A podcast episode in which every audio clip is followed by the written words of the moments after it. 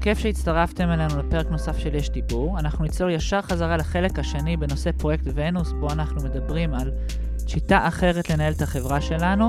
אנחנו מקווים שתהנו, ואנחנו נתחיל ישר עם שאלה ראשונה של אבטליון.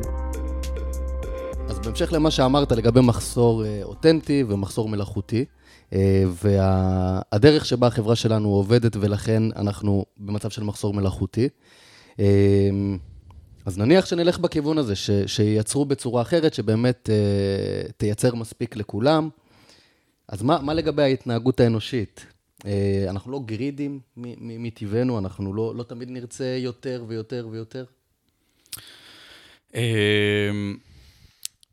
זו שאלה טיפה טריקית במונח של מה זה גרידים ורוצים יותר ויותר, אבל אני אגיד שבמונח הקלאסי, באיך שהרוב האנשים מתכוונים לזה, לא.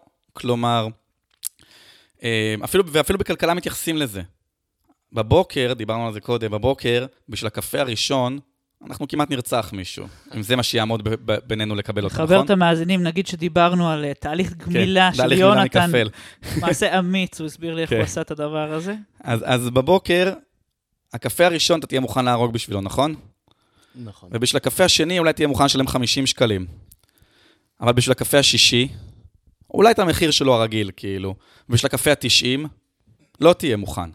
אז קודם כל אנחנו רואים שלגרידיות שלנו יש סוף. בהחלט יש סוף, כן? וגם כלכלנים מכירים את זה, זה נקרא תועלת שולית פוחתת.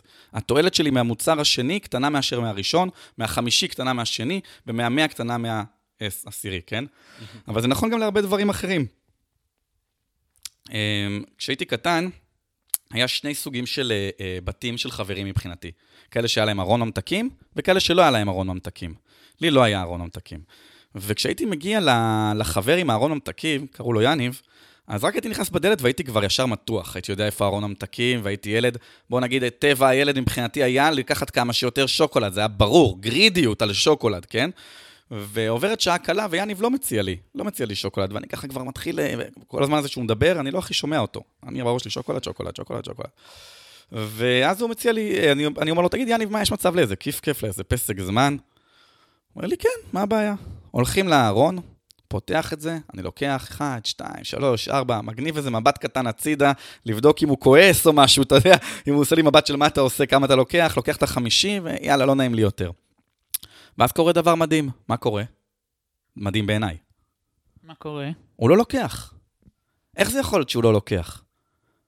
כי הדבר הזה תמיד זמין לו. זה כבר לא במחסור, זה כבר לא מעניין אותו כל כך, לא ברמה הזאתי. קרה לכם שבאתם, לח... היה לכם חבר, אולי שהייתם קטנים, שהיה לו שולחן פינג פונג, או סנוקר, או את הפלייסטיישן שכולם רצו, או אני לא יודע מה, mm-hmm. כן? ואתם מכירים את זה שהייתם מגיעים וכולם היו רוצים לשחק, ופחות או יותר רק הוא לא רוצה הרבה פעמים בדבר הזה? והוא כאילו, די, עזבו אותי, וכולם כזה, איך הוא לא רוצה? איך הוא לא רוצה לשחק פינג פונג? יש לו שולחן פינג פונג בבית. בדיוק בגלל שיש לו את הפינג פונג הזה בבית, הוא כבר מיצה, הוא לא greedy, איפה הגרידיות שלו? איפה, למה הוא לא כל היום חורש על הפינג פונג? כאילו, אתה מבין מה אני מתכוון? אז הדבר הזה, כשהוא זמין לנו, הוא, הוא הופך להיות פחות ופחות אטרקטיבי רק מעצם המחסור שלו, כן? הרבה מהדברים היום, נראה לנו שאנשים יהיו גרידים עליהם, בגלל שהם במחסור כרגע. אנשים אומרים לי, יונתן, מה, לכולם בפרויקט ונוס יהיה ג'קוזי? ואני כזה רוצה להגיד להם, את מי זה מעניין ג'קוזי? אבל הם לא יכולים להבין. אבל כשהם ייכנסו לפרויקט ונוס, אז יהיה את האזור של האנשים החדשים, אלה שרק הרגע נכנסו לתוך פרויקט ונוס, ולהם, לכולם בדירות יהיה ג'קוזי. והם יתלהבו, יא, תראה, יש פה ג'קוזי, אני לא מאמין, כאילו, אני קודם הייתי בקפיטליזם, אתה יודע, בקושי הצלחתי לשלם שכירות על הבית, עכשיו יש לי בית אדיר עם ג'קוזי. ואחרי חמש שנים, אתה חושב שהוא יעשה שם מסיבות בג'קוזי כל יום? הוא, הוא כבר יתרגל לזה, רוב הזמן בכלל לא יהיה בזה מים, כאילו, זה יעמוד שם, כן? ואז הוא יהיה מוכן לעבור לדירה אמיתית, לדירה טובה, לדירה שבאמת תשרת אותו. כי אנשים היום, מרוב שהם... אני מצטער להגיד את זה, אבל קפיטליזם, אנחנו חושבים שאנחנו כאילו עשירים. אנחנו מדמיינים את זה ביחס לאפריקה, ביחס לאיזה קומוניזם ברוסיה. אנחנו עניים שחבל את הזמן. החלומות שלנו זה חלומות של אנשים מסכנים. תן לי ג'קוזי. זה מזכיר לי שהיה לי חבר שעבדתי איתו שהוא סודני, וכשהם הגיעו לארץ, אתה יודע, החלומות שלהם, התחושה שהם עשירים, זה שהם יכולים בערב לשבת בבר, לשתות בירה, ושיש להם אוכל, ושיש לו מסך שטוח. יש לו טלוויזיה שהוא יכול לראות בכדורגל, טלוויזיה משלו. בשבילו זה כאילו, וואו. ובשביל אנשים בקפיטליזם, כאילו, שיהיה לי ג'קוזי, כן? אתה תראה שזה שעמם אותך. אתה אפילו לא יודע מה החלומות באמת שלך, יש לך חלומות מנייר כרגע. אנחנו אפילו לא יודעים מה החלומות שלנו. אני לפעמים שואל אנשים בהרצאות שלי, אם היה לך 100 מיליארד דולר, מה היית עושה? או, מה היית עושה? אני, אני כמוך, פשוט, אבל אה, רוב האנשים, כן. באמת אין להם מושג. אתה יודע מה התשובות הנפוצות, תלוי בזה, אבל התשובות הנפוצות הן, הייתי משקיע אותן. אז קודם כל, כרגע אמרתי לך, יש לך 100 מיליארד דולר כדי להגיד לך מה יקרה אם אין לך בעיה של כסף. ומה אתה אומר לי? אני אשקיע אותם כדי שאני אבטח את הכסף שלי, שיהיה לי עוד כסף. כן, תוכנית כלכלית. זה, מסוימת. זה עד כמה המוח שלך לא יודע לחשוב על שפע, זה עד כמה הוא במחסור, זה עד כמה אתה אה, כל כך, זה מה שאני מתכוון להגיד שאנחנו עניים, אנחנו כל כך מסכנים, שאפילו אני אומר לך, אין בעיה כלכלית יותר. מה תעשה? קודם כל, אני אפתור את הבעיה הכלכלית שלי. אמרתי לך, אני, אין בעיה כלכלית יותר. מה תעשה? קודם כל, ואז הדבר השני שאומרים לי, אני אקנה, אני אקנה, אני אקנה, אני אקנה. יאכטה, מטוס, לא משנה מה.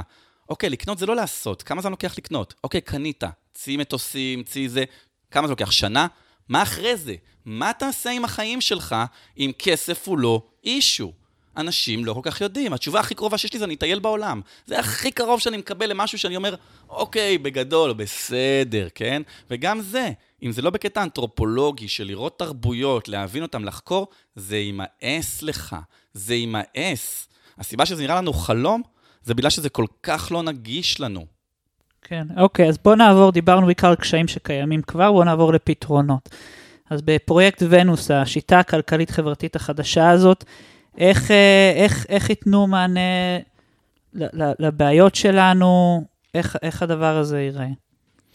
אז קודם כל אנחנו מייצרים בשפע, אנחנו לא מייצרים בצורה של מחסור מלאכותי. אנחנו לא נכון. שורפים דברים שהכנו, אנחנו לא מכינים אותם ככה שהם יתקלקלו תוך זמן קצוב, אלא מייצרים אותם ככה שהם יחזיקו מעמד, שהם ישרתו את הלקוחות, שזה אנחנו, בצורה הטובה ביותר, כן? אמ, מה, אני שמעתי אותך אומר איפשהו שיהיו כמו ספריות. כן, אה, נכון. שנוכל ללכת, אה, נגיד, במקום ספרייה לספרים, אז ספרייה לכלי עבודה. נגיד. נכון. סתם רעיון מאוד יפה. אני, אני אעבור ל, ל, למשהו אחר. אני, אני, אני הבנתי שבפרויקט הזה מדברים הרבה על אונ- אוניברסליות. כן על איזה גלובליות. אז רציתי לשאול, קודם כל, למה? וב', האם הדבר הזה אפשרי? אנחנו רואים אה, מלחמה במאה ה-21, אנשים עדיין רוצים לשמור על הגבולות שלהם. אה, אפילו אני אגיד, יובל נוח הררי, שמעתי אותו אומר שאחרי הפלישה של רוסיה לאוקראינה, כל המדינות, מדינה כמו גרמניה הכפילה את תקציב הביטחון כן. שלה. מה, מה זה אומר אוניברסליות הזה? זה משהו שאפשרי באמת? קודם כל הוא אפשרי, כן, זה גם, אנחנו רואים את התהליכים האלה קורים. אם אנחנו נסתכל היום אה, על גרמניה, על העם הגרמני, שהזכרת אותו, אז רק לפני בערך 140 שנה, נדמה לי עד 1870, לא הייתה גרמניה. לא היה את אה, הגרמניה המאוחדת, זה ביסמרק איחד אותם, אתם זוכרים אולי מהבית ספר. לפני זה היה נסיכויות שונות, כן? והם היו נלחמים ומתקוטטים על הגבולות. וכל אחד היה לו זהות לאומית בגרשיים, היה לו את הזהות של הנסיכות שלו, הוא הרגיש חלק מהזהות הזאת. וזה היה נראה כאילו, אם היית שואל מישהו אז, הוא היה אומר לך, מה, ברור, אני אלחם על הזהות שלי, ואני לא רואה את זה אף פעם משתנה. היום מישהו מהגרמנים יודע מאיזה נסיכות השושלת שלו הגיע? זה מעניין מישהו? הם ממשיכים להילחם ולהתקוטט שם על הגבולות? לא, זה פסה. אותו דבר בארצות הברית. היה הרבה מאבקים לפעמים בין הסטייטים השונים. ואז הם התאחדו, ואין היום דבר כזה, כן? וגם באירופה אנחנו רואים תהליך כזה שמתחיל במרכז ומערב אירופה. הגבולות מטשטשים. הם יכולים להתחיל לעבור באופן חופשי, מדינה למדינה. הם לא צריכים להחזיק צבא על הגבולות האלה. אז לא רק שזה אפשרי, אגב, גם אצלנו, אנחנו היינו פעם 12 שבטים. מישהו יודע היום מאיזה שבט הוא חוץ מלוי? זה מעניין אותך? אתה מרגיש שחסרה לך הזהות הזאתי? שאתה אומר, וואי, איך העזנו ככה לאבד את הזהות הזאת? אני לא יודע אם הייתי משבט נפתלי או דן. ואתה רואה את המלחמה הזאת שקורית היום, זה לא שזה, בד... משפיע על התפיסה הזאת? אני אומר שזה בדיוק הפוך. כל עוד יש רגשות לאומיים בצורה הזאת, תצפה שהמלחמות ימשיכו, כן? כל עוד אנחנו בישראל, כל כך חשוב לנו התפיסה הלאומית, אז תצפה שאנחנו נמשיך לחיות על החרב שלנו. זה לא הולך להשתנות. הדברים האלה, דווקא כשאירופה מחליטה קצת, כשהדבר הזה מטשטש ונהיה להם יותר חשוב השלום, יותר חשוב לשתף פעולה, יותר חשוב רמת חיים, אז הם מתחילים להוריד את הלאומיות ואת הגבולות, כן? והדברים האלה מתחילים להיטשטש, או בין הצפון והדרום בארצות הברית, כן? אז הדברים האלה מתחילים להיטשטש, ואז נהיה לך הרבה יותר שקט. שאלה, מה יותר חשוב לנו? האם אנחנו מעדיפים להילחם על הלאומיות שלנו, שאני מבין שכרגע זה דבר שגם למאזינים הוא חשוב מאוד, אבל תזכרו, צריך לזכור את זה, שזה בר שינוי בתהליך איטי, דור מדור, לדור לדור, אנחנו יכולים לראות את זה משתנה, כן? וכשזה משתנה, זה לא חסר לאף אחד. זה רק רגע לפני שאנחנו מפסיקים הדבר. אולי אנשים שהפסיקו סיגריות או קפה כמוני או דברים כאלה יכולים להבין את זה. רגע לפני שאנחנו מפסיקים, אנחנו חושבים שאנחנו לא יכולים לדמיין את החיים שלנו בלי זה. מה בכלל יהיה הזהות שלי? כאילו, אני בן אדם שמעשן סיגריות, מי אני בלי הסיגריות האלה? אני לא יכול לדמיין לראות סרט בלי הסיגריה, או קפה. אני אשתה קפה בלי הסיגריה? אני לא יודע אם אתם יכולים להזדהות עם התחושה הזאת, כן? אבל אחרי שמפסיקים, ועובר קצת זמן, אתה לא מבין למה עשית מזה כזה big deal. למה פעם חשבת, מה אני אעשה בלי זה? אותו דבר, רק בלי הסיגריה ובלי להרעיל את עצמי. אנשים יחיו את אותם חיים. איפה הזהות הלאומית שלך מתבטא ביום-יום, כשאתה הולך לעבודה, כשאתה עם הילדים שלך, כשאתה הולך איתם לפארק, איפה זה בא לידי ביטוי? זה כמעט לא. אתה יודע איפה זה בא לידי ביטוי? שצריכים לקרוא לך לדגל, ללכת להילחם. אז זה בא לידי ביטוי. כשמישהו רוצה להלהיב איזה פוליטיקאי, את ציבור הבוחרים שלו, אז זה בא לידי ביטוי. ביום-יום זה לא בא לידי ביטוי. לא בבישול שלך, לא בקיום שלך, לא בילדים שלך, זה כמעט לא, זה דבר שהוא בעיקר מפריע לנו. באמת, אבל בהמשך לזה, אה, מהם מאפיינים שהם, שהם אה, מאפיינים של שייכות, של דת, של, אה, של תרבות, דברים כאלה, שאולי אולי אנשים כן רוצים לשמור על הדברים האלה, על המאפיינים, על הזהות הזאת, ולא רוצים כל כך שיטושטשו ההבדלים ביניהם. אז אם ככה, איך מתמודדים עם זה? קודם כל, אתה צודק בוודאות. זאת אומרת, לשים בצד אחד רגע את זה שבכלל אנשים, זה צורך אנושי בסיסי להרגיש שייכות. פשוט אני אגיד שזה לא חייב להיות שייכות לדת, או ללאום, או למגדר, כן? אבל שייכות לקבוצה, ל, ל, ל, לקהילה, זה דבר שהוא קריטי, ואנחנו לא שמים את זה בצד, אנחנו לגמרי רוצים שאנשים ירגישו שייכות לקהילה ויהיה להם קהילה. ואתה גם צודק לגמרי שאנשים לא רוצים לוותר על, ה, על הזהות הלאומית שלהם, זה ברור, ברור, ברור, ברור, ברור. אין בכלל ספק בזה. אבל גם המעשן סיגריות לא רוצה לוותר על הסיגריות שלו. אבל אנחנו רוצים לפתוח את הדיון, אני הייתי רוצה לפתוח את הדיון של מה ההשלכות של הלאומיות הזאת, או של הדת הזאת, כן? ו, וגם ללכת עוד צעד אחורה, שאנשים אף פעם לא עושים בדיון הזה, ולשאול, למה הלאומיות חשובה לך? זאת אומרת, למה הזהות שלך כל כך עמוקה עם הלאום הזה, או עם הדת הזאתי? זאת אומרת, זה לא שמישהו נתן לך בחירה, זה לא שלנו הציגו בתור ילדים, כן? הציגו לנו גם את האסלאם, גם את הנצרות, גם את היהדות וגם את האיזם בצורה שווה, ואמרו לנו לאיזה מהם אתה יותר מתחבר.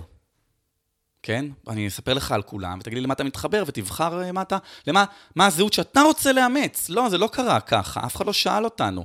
אנחנו פשוט ירשנו את המסורת הזאת, ואומרים לך, אתה יהודי, אתה ישראלי, כן?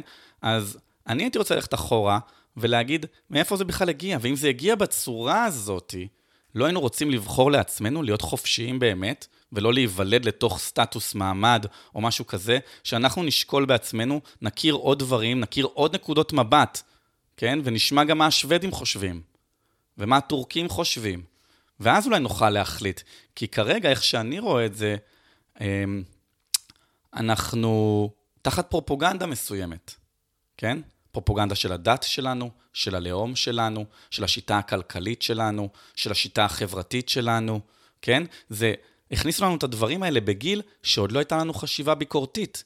בגיל חמש או שש, כשמדברים איתך ואומרים לך, ישראל זו המדינה הכי טובה בעולם, אתה לא בגיל שאתה יכול להגיד, יש לך ראיות לטענה הזאתי?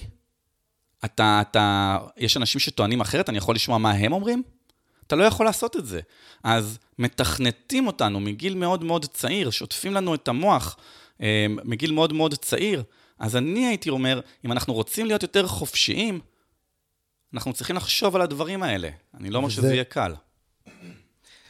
ודרך החשיבה הזאת זה בעצם הדרך שבה אתה, אתה או הפרויקט רואה לנכון כאילו לגשר בין, בין אנשים, בין הבדלים בין אנשים?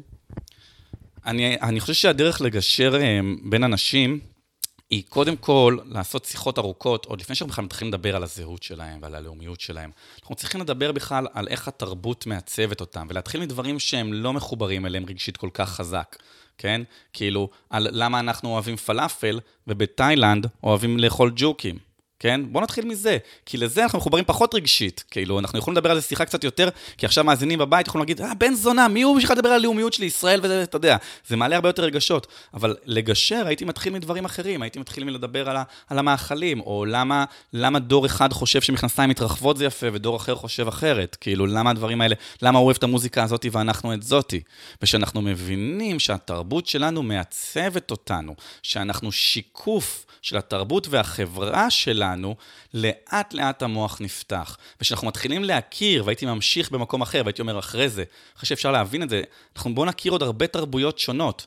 וכשאתה מכיר הרבה חברות שונות והרבה תרבויות שונות, ואתה רואה שכל אחת אומרת על עצמה שהיא הטובה ביותר, שהיא ההגיונית ביותר, ואיך היא שמה ללעג את התרבויות האחרות, בדרך כלל באיזושהי מידה כזאת או אחרת, אם הן שונות ממנה, בשטחים שבהם היא שונות ממנה, אז יותר קשה לך לקחת ברצינות את הדוגמטיות של התרבות שלך שאומרת שהיא הטובה ביותר, הצבא המוסרי בעולם.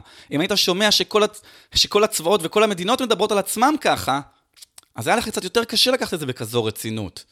אתה מבין למה אני מתכוון? אז זה תהליך שאנשים צריכים לעבור. אם אני הייתי שולט בזה, כל ילד בישראל היה לומד סוציולוגיה ואנתרופולוגיה בתור הדבר הכי בסיסי כמעט שהוא יכול ללמוד. כי אם אנחנו לא מבינים את הכוח שיש לחברה ולתרבות שלנו ואיך היא מעצבת אותנו, ואנחנו בטוחים שזה באמת שלנו, אז קשה לנו להיפרד מזה. אבל אם היינו מבינים שאנשים בעלי אינטרסים, או לא תמיד אפשר, אפשר גם להציג את זה גם בצורה יותר ניטרלית, לפעמים זה גם קורה בצורה יותר טבעית נקרא לזה, דברים שמתגלגלים, כן? אם היינו מבינים שהם גרמו לנו להרגיש ככה, שזה מוחדר אלינו, לא היינו מרגישים הזדהות כל כך חזקה עם הדבר הזה, והיינו יכולים לשחרר אותו ולהתחיל באמת להשוות ולהגיד, אוקיי, במה התרבות הגרמנית טובה יותר בעיניי מהתרבות הישראלית, ובמה היא פחות טובה? מה הייתי רוצה לאמץ מהתרבות הגרמנית ומה פחות? כאילו, ואותו דבר עם הרבה תרבויות אחרות, והייתי פחות נעול על זה, כן? אז זה לדעתי הדרך להתחיל לגשר. ולהתחיל להבין מה הצרכים האנושיים האוניברסליים, כמו שאתה הזכרת אחד מהם, וזה שייכות, להיות שייך לאנשהו, להרגיש מוערך על ידי החברה שלי, להרגיש שאני בעל משמעות, שמה שאני עושה הוא בעל משמעות, שיש לי מקום בעולם. אז כשאנחנו מתחילים להסתכל על הצרכים האוניברסליים האלה ולהבין כמה זה דומה בין כל בני האדם, מכל התרבויות, וגם לראות איך זה אולי בא לידי ביטוי בכל תרבות. ולראות קצת את השוני שזה בא לידי ביטוי, איך כל תרבות בה מנסים להשיג את הדבר הזה, את המטרה הזאת. אז היינו מתחילים לפתח חשיבה הרבה יותר רחבה, הרבה יותר מועילה לעצמנו ולאחרים, והיינו רואים פחות קנאות דתית, קנאות לאומנית, ואת כל הדברים האלה שגורמים למלחמות, כמו ברוסיה ואוקראינה. דגש, משהו נוסף שפרויקט ונוס אה, מדבר עליו זה טכנולוגיה, איזשהו מצב שאנחנו לא באמת צריכים לעבוד. אמ, אז זה, זה נשמע נורא מוזר למי שלא שמע את זה, אז תוכל להסביר לנו איך זה עובד, איך הטכנולוגיה משרתת אותנו לפי תפיסת פרויקט ונוס? כן. כבר היום, הזכרתי את זה קודם, אמ, כבר היום יש רק פחות מ-2% מהאוכלוסייה שעובדים בחקלאות. ובכל זאת, יש לנו יותר מזון מאי פעם. וזה קורה בגלל הטכנולוגיה. כי יש לנו קומביין שיכול לעבוד כמו 300 אנשים. מי שמכיר את המכונית של גוגל או טסלה, יודע שאנחנו יכולים ממש בקרוב לעשות, או כבר יש עכשיו אפילו טרקטורים מ-2017, שהם אה, נוהגים לבד. אז אפילו את המעט אנשים שהיו על הטרקטור, אתה מוציא מהעבודה. ובעצם בשימוש בטכנולוגיה אנחנו יכולים לייתר את רוב, רוב, רוב, רוב רובן של העבודות היום. זה לא קורה מכמה סיבות. אחת, אם תלך להודו, תראה שאנשים עדיין קוצרים בידיים. האם הם קוצרים בידיים בגלל שאין טכנולוגיה של טרקטורים? או קומביינים? לא. כי הכלכלה לא מאפשרת את זה, מכל מיני סיבות שונות. או שיש משקיע, יש בעל הון שלא רוצה להוציא את הכסף, ויותר זול לו להעסיק הודי בשכר הודי מאשר להביא טרקטור, כן? או סיבות אחרות. ואותו דבר גם אצלנו, אנחנו לא הודים, אבל להכניס מערכת אה, אה, אוטומטית, למשל, אה, לגביית תשלום בסופר, לפחות כרגע, יותר יקר כנראה לפתח את זה ולדאוג לזה, מאשר לשלם לקופאיות את השכר מינימום שלהן. ככל שהטכנולוגיה תהיה יותר זולה, וזה קורה כל הזמן, ותתפתח, בסוף לבעל ההון אין סנטימנט, לא לכיוון הזה ולא לזה. לא להחזיק את הקופות ולא לפטר אותן, הוא רוצה מה שיהיה לו כלכלית. בסופו של דבר הוא יפטר אותן. התהליך הזה נקרא אבטלה טכנולוגית. אנשים גם ככה, בלי קשר לפרויקט ונוס, מוחלפים במקומות העבודה, פשוט כי טכנולוגיה עושה את העבודה הזאת טוב יותר, מהר יותר, מדויק יותר וזול יותר. אנחנו רואים את הטלרים מהבנקים עפים. מתי פעם אחרונה הלכת לסניף ודיברת עם איש אנושי? אתה עושה את רוב הדברים באפליקציה, פוטרו אלפי אנשים שם. ואנחנו רואים את זה בהרבה מקומות, בהרבה הרבה מקומות. אתה רואה את זה כשאתה מתחיל ללכת ליותר ויותר מקום, אפילו לחומוסייה קטנה לפעמים יש את המסך מגע של ההזמנה, נכון? זה חוסך לך חצי מאנשי השירות. כאילו, עדיין שאתה בחור שמכין את החומוס, אבל הוא לא צריך לעמוד ולהקשיב לך בזמן שאתה כזה, מה ההבדל בין משולש ו... אתה מבין? הוא לא צריך לעמוד שם, אתה מתלבט מול הדבר הזה והוא חוסך לו חצי מכוח האדם. ואנחנו נראה את זה קורה יותר ויותר. בקפיטליזם המשמעות של זה זה פיטורים. זה אומר שלי ולך קשה למצוא עבודה. זה אומר שאין לנו איך להתפרנס. זה אומר שאנחנו אוכלים אותה. אבל לא רק אנחנו אוכלים אותה, גם בעלי ההון אוכלים אותה. כי אם מספיק מאיתנו מפוטרים, אין לנו את הכסף לקנות את מה שבעלי ההון מייצרים.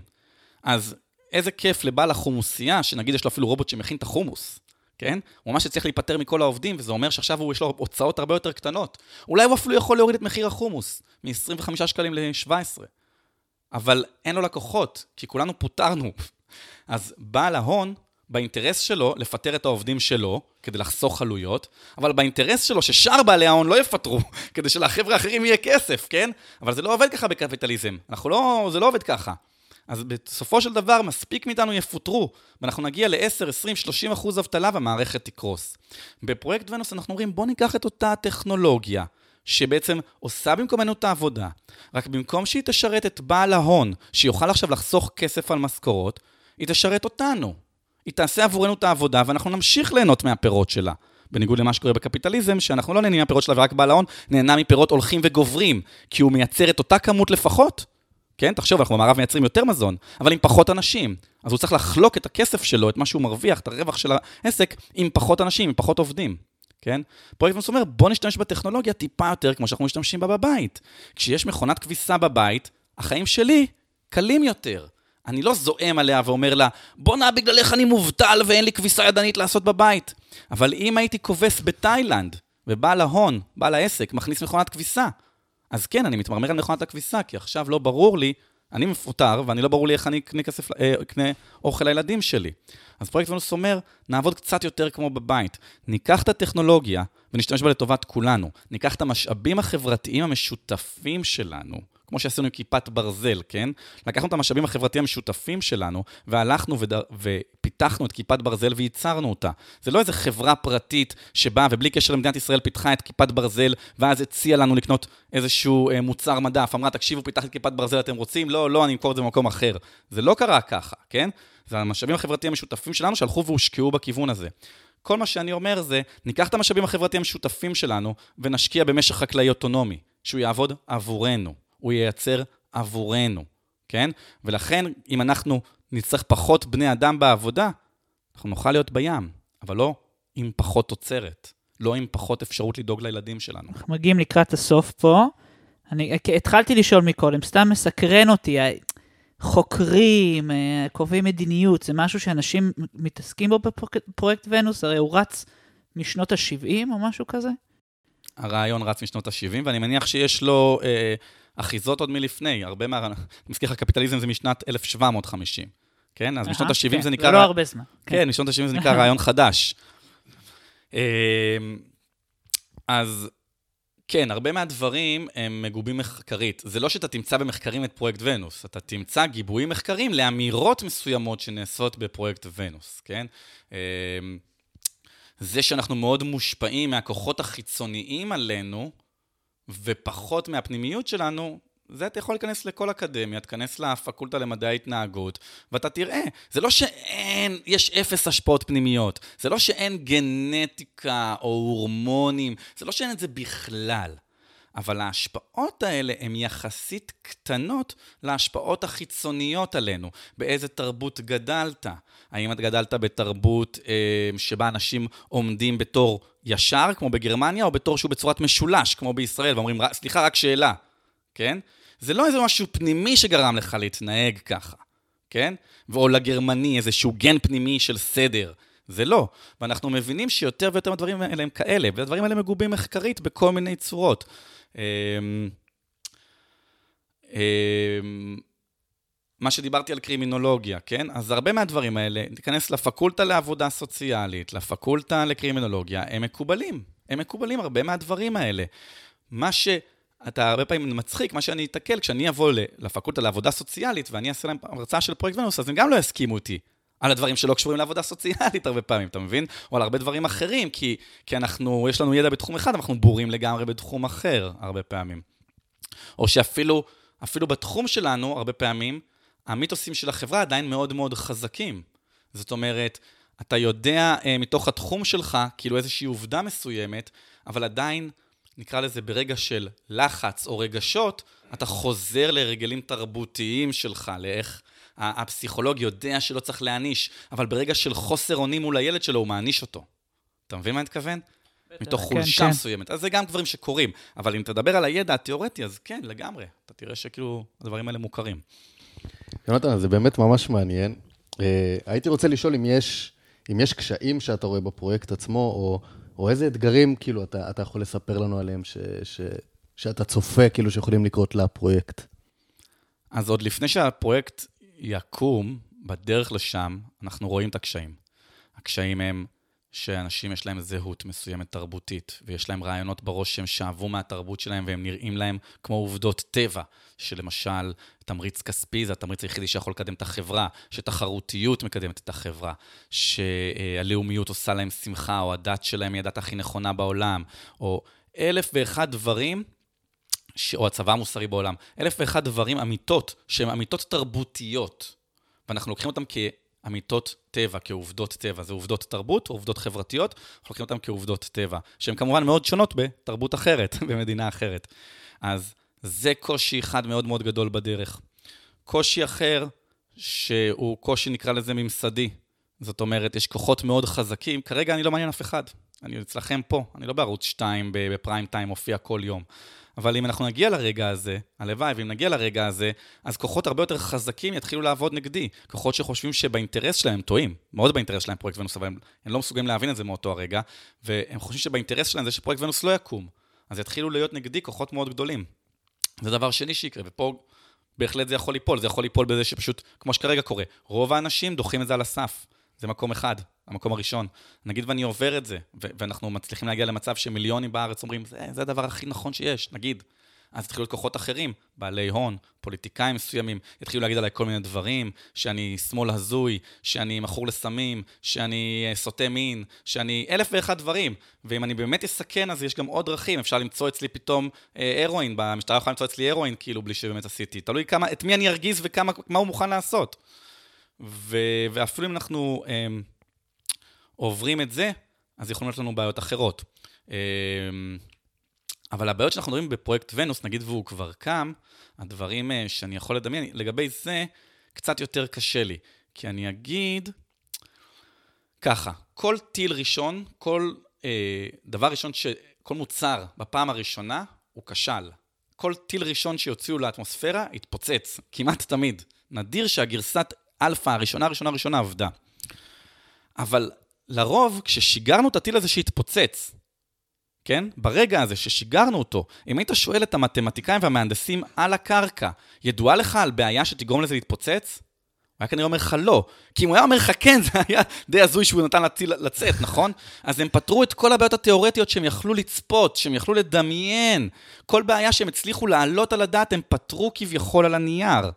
אבל עדיין יש דברים שעד שלא הרצת את זה, לא יכולת לעלות. אז אין בעיה שאני מודע אליה, שבגללה הפרויקט לא יכול לא לעבוד ברמה התיאורטית. זה לא אומר שאין בעיות כאלה, יכול להיות שיש אלף, ואנחנו נצטרך להריץ איזו חברה כזאת, איזה סוסייטי כזה, ולראות מה עולה. ואז להגיד, אוקיי, את זה צריך לתקן. אוקיי, את זה לא צפינו.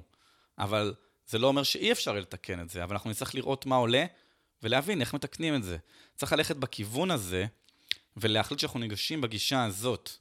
כן? כמו בעל עסק. לא עובד לו משהו אחד, הוא נחסם בכיוון אחד, הוא הולך לכיוון אחר. הוא מנסה עוד משהו, הוא לא אומר פשוט, טוב, קוסומו, כאילו. יונתן, אז ככה אנחנו לקראת סיום. יש איזשהו משהו שהיית רוצה, איזשהו מסר למאזינים שלנו, משהו שהיית רוצה ככה להגיד לקראת הסוף? כן, אני, אני הייתי רוצה להתייחס ל, לפודקאסט הזה, לפרק ששמעתם, או, או לדברים שאמרתי, לא כאילו אני מנסה לשכנע אתכם במה שאני אומר. יש מספיק פעמים שאני יכול לתהות עם עצמי גם, ולא להיות בטוח לגבי כל מיני דברים, אלא כרעיונות ששווה לדבר עליהם. דברים ששווה לנו כחברה להתחיל דיון עליהם. זה לא אומר שהעמדה שלי היא נכונה, אבל אני חושב שלפחות השאלות שאני מעלה, הן שאלות שכדאי לא לטאטא מתחת לשולחן ולהתעמת איתן כחברה, להעלות את זה לדיון הציבורי. ואם שמעתם משהו שהוא מעניין אתכם, אתם יכולים להרחיב גם באינטרנט וגם לדבר עם חברים. ולהתחיל לדבר על זה ולברר על זה, ולהעלות את זה כנקודה לדיון ונקוד, ונושא לדיון, ו, ולדעתי זה ההתחלה. צריכים פה איזשהו דיון ציבורי על הנושאים האלה, שלרוב היום לא כל כך מדוברים. אז יונתן, תודה רבה, היה מאוד מעניין. אנחנו נגיד גם למאזינים שאנחנו ניסינו באמת לפתוח את הראש ולעשות משהו אחר, אנחנו חושבים שזה חשוב. ובאופן כללי בפודקאסט הזה אנחנו מנסים לבוא עם ראש פתוח ולתת לאנשים להביע את כל התפיסה שלהם, כדי שנוכל אה, להתפתח. אז כשאתה מקים את ה-society ועושה את הניסוי הזה, תזמין אותנו ואולי את המאזינים גם. אני רוצה לראות את התוצאות. אה, אני אגיד תודה לשגרירי רוטשילד שתומכים לנו בפרק הזה, ובאופן כללי אתם יכולים לשמוע אותנו בכל אפליקציות הפודקאסטים, גוגל פודקאסט, ספוטיפיי, אפליקציית הפודקאסטים של אפל, וניפגש אה, בפרק הבא. תודה רבה. אנו מכריזים בזאת על הקמת מדינה